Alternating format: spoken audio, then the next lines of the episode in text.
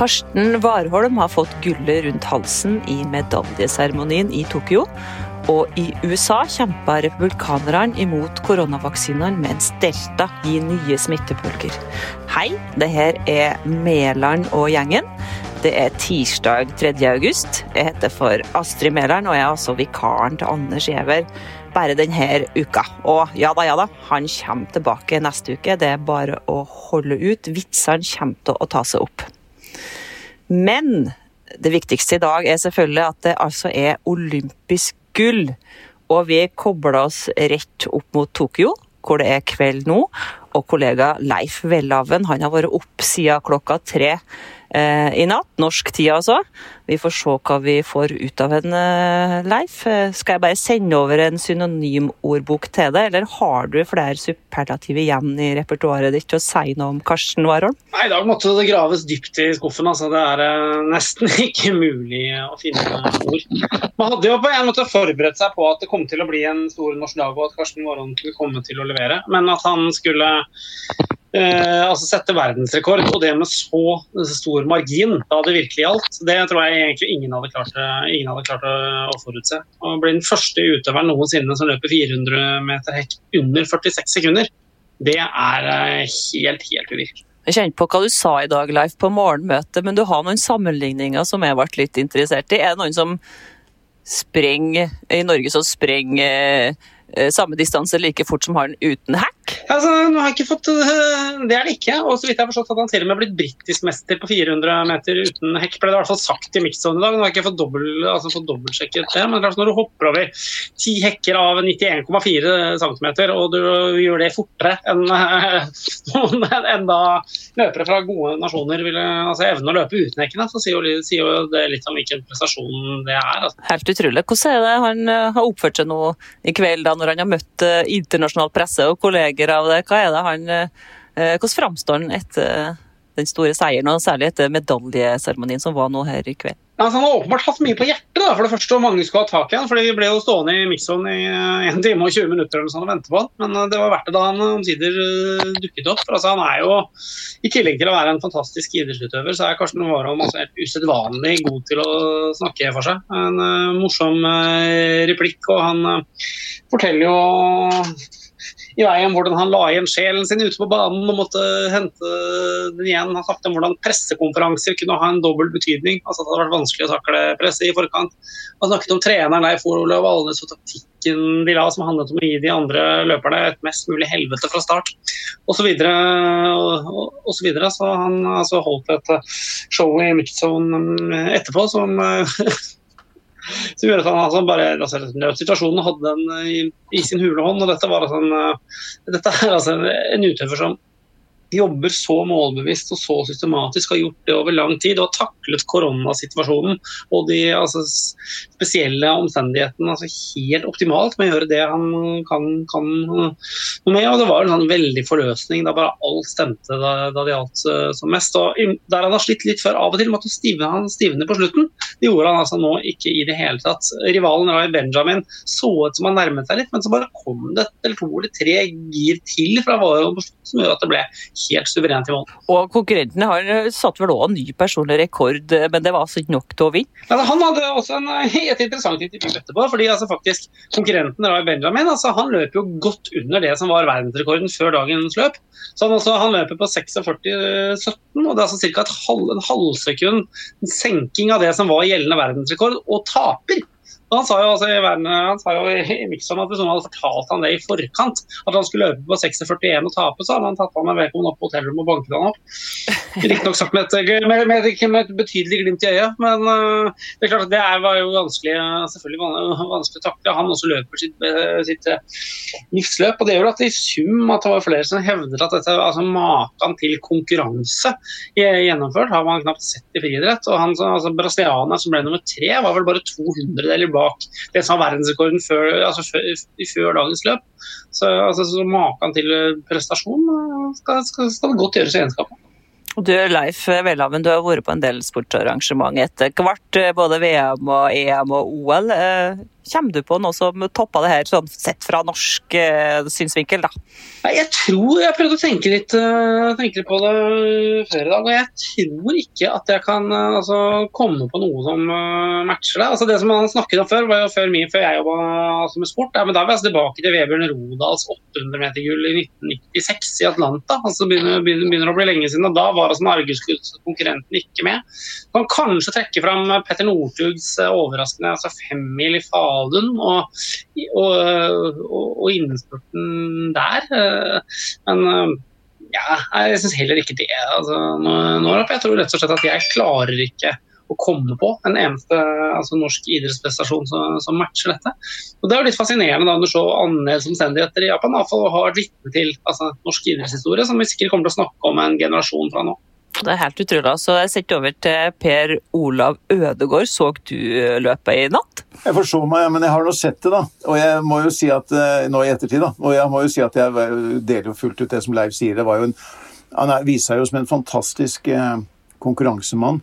Eh, og klarer å ta ut dette. og sette verdensrekord. Og så lurte jeg litt på det, Leif. Det, altså, det er jo en fantastisk prestasjon, det han gjør. Men det er jo også en, åpenbart en god bane å løpe på, dette, denne her stadion i, i, Tokyo. Det er vel ikke den første verdensrekorden som er blitt satt heller der nå denne, denne, uken. Det må være ganske gunstige og gode forhold også, selv helt uten publikum. Det er ikke noe publikum som kan heie deg fram, men, men likevel så må forholdene være ligge godt til rette. Ja, Det var et tema altså, i flere intervjuer. Det er åpenbart at, altså, banen er god, at uh, omstendighetene Eh, lå godt eh, til rette. Det kan være at Hvis det hadde vært lengre løpsdistanser, så hadde det altså blitt i overkant, uh, i overkant varmt. Men altså, dette er såpass kort og, og konsentrert med et altså, tilnærmet optimalt uh, underlag. Så han der Rai Benjamin, han rivalen til uh, han snakket også bl.a. om det å rose underlaget veldig, men, også, men var også veldig tydelig på at det er aldri underlaget som vinner, altså, som vinner medaljene, og heller ikke skoene, som han også, altså, som han også snakker om. At, og at han med all mulig respekt for uh, altså, tidligere store hekkeløpere, så var han ganske tydelig på at uh, det, ikke,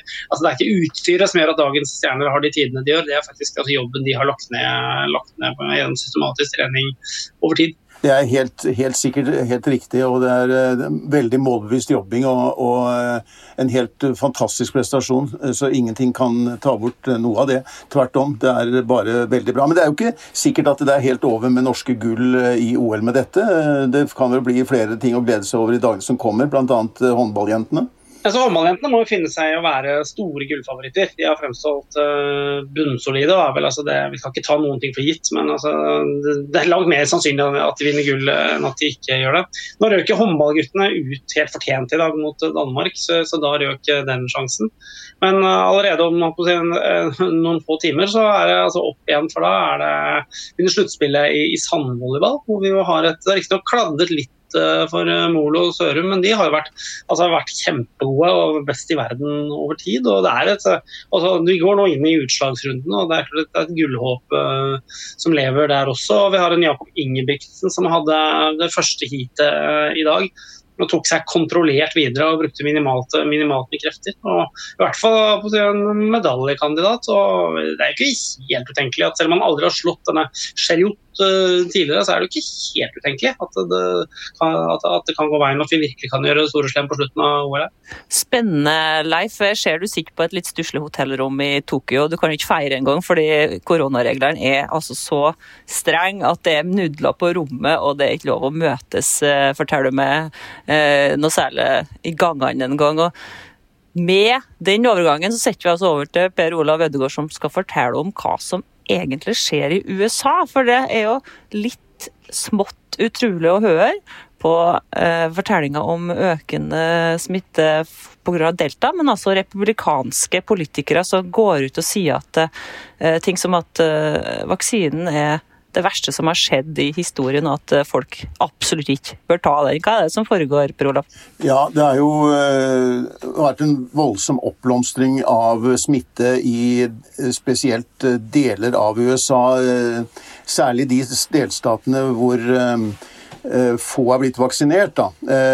I dag, eller i går rettere sagt, så passerte jo USA en slags milepæl hvor 70% av den voksne befolkning Eh, var blitt vaksinert eh, eh, minst én gang. det, det var jo sånn, en milepæl som egentlig president Joe Biden hadde hatt en målsetting om å nå 4. juli, for 4. juli er jo uavhengighetsdagen uh, i USA, nasjonaldagen, og da var da han liksom skulle erklære at USA var uavhengig og fritt for covid-19. Det, det, var ikke mulig å gjøre. Han to, måtte ta et forbehold og snakke om at det, ja, vi, har liksom, vi har overtaket i kampen mot viruset, men det er en del farer som truer, bl.a. delta. Eh, og så har det tatt fire uker da, å nå det målet med 70% men så er det eh, omtrent 30% av de som kaller seg republikanere, republikanske velgere, som sier at de ikke under noen omstendighet vil ta vaksinen. Og de er jo blitt sterkt påvirket av eh, opinionsdannere på eh, høyresiden i amerikansk politikk, og en del republikanske politikere som har sådd tvil og, skepsis til vaksiner og til smitteverntiltak. Og hele veien, egentlig. Det er jo ikke noe nytt, dette har de gjort hele tiden. Og selv under Donald Trumps tid som president, så, så var det jo Han var jo med på å skape mye av den motviljen da, når det gjaldt smitteverntiltak. Men han var jo den som også satte i gang det store vaksinasjonsprogrammet, eller utviklingen av vaksiner. Ja, ikke sant. For det er mitt inntrykk òg at det var virkelig noe som Trump-administrasjonen fikk til. Så var det å sette av penger til det her store vaksinesatsinga. Staten gikk jo inn med enorme midler og, og, lykkes med det. Og kan med god grunn skryte av et visst eierskap her. De er jo kommet kjempelangt i vaksineringa og har Moderna, og de har fått masse Pfizer, og de har Jansen Jansen. Altså et ganske vellykka eh, oppdrag. Hvorfor er det slik at eh, det her har blitt så politisert, og at eh, særlig republikanere har begynt å protestert mot de vaksinene? Ja, altså jeg tror ikke det er noe land hvor denne pandemien er blitt politisert i like sterk grad som i USA, som jo fra før av er veldig polarisert. Og det har blitt en Altså Dette med å bruke munnbind for eksempel, er jo nesten blitt et politisk eh, signal, om du er demokrat eller republikaner, for å si det litt enkelt. da. Eh, og eh, dette med vaksine Jeg tror nok det finnes jo republikanere som f.eks. deres leder i Senatet, Mitch McConnell, som jo bruker mye tid på å argumentere for å ta vaksine. og nå har jo f.eks. en av disse framtredende programlederen på Fox News, eh, Sean Hannity, gått ut og sagt at folk bør vaksinere seg, men det kommer først i forrige uke. Og det har vært mange andre røster som har vært advart mot vaksinene, og det har vært mange republikanske politikere som har eh, hele tiden Altså forsinket eh, eh, dette med å rulle ut vaksineprogrammet og også med å lette eh, smitteverntiltak egentlig lenge før det var tilrådelig. Dette skjedde, har jo skjedd i løpet av disse 18 månedene med pandemien flere ganger. Eh, og det straffer seg jo nå. Det er jo de som nå blir hardest rammet. Men det som også er et problem nå, det er jo at alle i, I, mai måned så sa helsemyndighetene i USA at nå kunne fullvaksinerte kunne slutte å bruke munnbind innendørs, også utendørs. Men nå har de gått tilbake og sagt at nå bør de gjøre det. Eh, også de fullvaksinerte eh, når de er på steder hvor det er betydelig smitte. og Det, det handler egentlig om 80% av den amerikanske befolkningen er i sånne områder hvor det er betydelig smitte i dag. Så de blir liksom pålagt et en ny restriksjon da, i form av at de bør bruke munnbind innendørs. og det, det, jo, det, skaper jo enda sterkere motsetning mellom de som er blitt vaksinert og de som ikke er blitt det. Jeg tror de som ikke er blitt det, er delvis ledet av denne mot, de mener at dette er liksom myndighetene som, det er en måte for myndighetene å ta kontroll over frie borgere. på en måte, At de, de skal ikke bli fortalt noe de skal gjøre. Eh, jeg tror det er en holdning hos en del. Og eh, en generell eh, skepsis da, til det som kommer fra Washington, og ikke minst da under Biden-administrasjonen. fordi de, de eh, hvis, du, hvis, du, tror og aksepterer at denne, denne, denne påstanden om at valget ble stjålet, så kan du like gjerne begynne å stille tvil om, hva myndighet, om myndighetene vil deg vel med vaksiner og andre tiltak. Ja, nettopp. Jeg bare la som Tucker Carlson. Han Fox-programlederen som gikk ut eh, for et par uker siden og sa litt uklart, da, men han sa at vaksine var en katastrofe eller noe i den dur. Og så så jeg òg at eh, en eh, stor og kjent republikansk organisasjon hadde feira det faktum at Joe Biden ikke nådde sitt mål, som du snakka om, om å oppnå 70% vaksinedekning innen 4.7. Eh, slår meg at det kan, kan det være at de her i, i hemmelighet driver og vaksinerer seg sjøl, og at det er en slags form for demagogi? Altså at de folkeforføreri, fordi at de, vet at det her er noe som slår an? Ja, øh, også fordi at det kan si Nå vil jo de kunne Selv om jeg tror at det, det er de uvaksinerte som gjør at denne pandemien nå skyter fart igjen i USA. Og, den, og, og, de, og de fleste av de uvaksinerte er republikanere. Men nå vil de likevel bruke dette som et eksempel på at Biden ikke lykkes. for det som var Bidens aller viktigste valgkampløfte, var at han bedre enn sin motkandidat Trump kunne bekjempe denne pandemien på en effektiv måte. Han skulle lytte til vitenskapen, han skulle bruke de beste folkene, han hadde et program, han hadde en plan. Og dette skulle de lykkes med, og de skulle lykkes med det på kort tid. Eh, og når, nå, da, når USA er tilbake i en ny krise, så slår dette tilbake til, på Biden og hans eh, eh, påståtte evne til å løse dette problemet. Da. Eh, og det vil jo republikanerne helt sikkert kunne bruke, selv om de er eh, en stor del av, eh, bærer en stor del av ansvaret for at det er blitt som det er blitt. Og det er jo sånn at mange replikanere, De fleste replikanere har jo også blitt vaksinert, men det er disse 30% som, er, som nekter å gjøre det av forskjellige grunner. Vi hører jo om uh, fortellinger fra sykepleiere osv. som uh, forteller at uh, folk bødfaller dem om å få vaksinen på vei inn i respiratoren, og at andre nekter for at de har covid, til tross for at de har testa positivt. Så tror de at de bare er forkjøla. Så her er det flere forskjellige bobler folk lever i, tror jeg, og forskjellig informasjon fra forskjellige mediekanaler. Absolutt, og det er veldig interessant å se det der politiske kartet over USA nå, hvor du ser ikke sant, smitten blomstrer voldsomt opp i stater som Arkansas, Missouri, Louisiana, Florida. ikke sant? Det er aller flest sykehusutleggelser i Missouri. og de, dette er jo stater som er røde stater da, i amerikansk terminologi, altså republikanske stater, der tiltakene har vært få og hvor eh, begrenset, og hvor, og hvor vaksinasjonsraten er veldig lav. Eh, og, og nå blir det da det er jo slik at um, også en del replikanske ledere tar jo nå til orde og sier at det, nå må dere vaksinere dere. men det, for noen så blir det for sent. når det kommet. Og det Problemet nå er at den delta-varianten som du har skrevet mye om, Astrid, er jo både mer smittsom og til dels litt farligere, og enn en tidligere varianter. og mange av disse sykehusene som nå Noen steder er kapasiteten på intensivavdelingene sprengt, så de kan knapt ta imot andre intensivpasienter enkelte steder. Og, det, eh, og noen av pasientene er yngre òg eh, enn det de var i første omgang. Eh, så dette er et alvorlig problem. Og det er Joe Biden som er på vakt. Det er han som har ansvaret nå.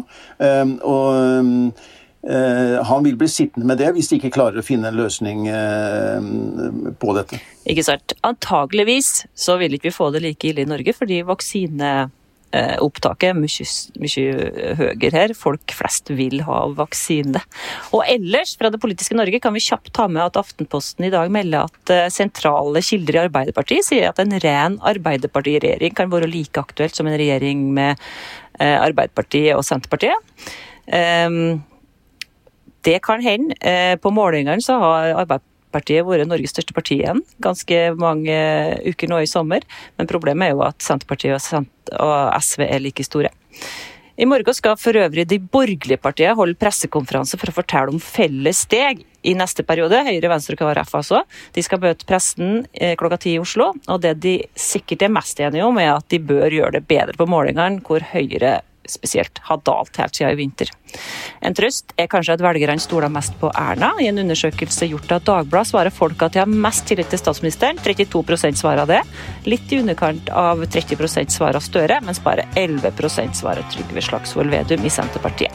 Her i Mæland og gjengen har vi ikke slikt tall. Vi har 100 tillit til vår produsent Magne Antonsen, og han har lova å komme tilbake og ordne podkast i morgen òg, så vi høres.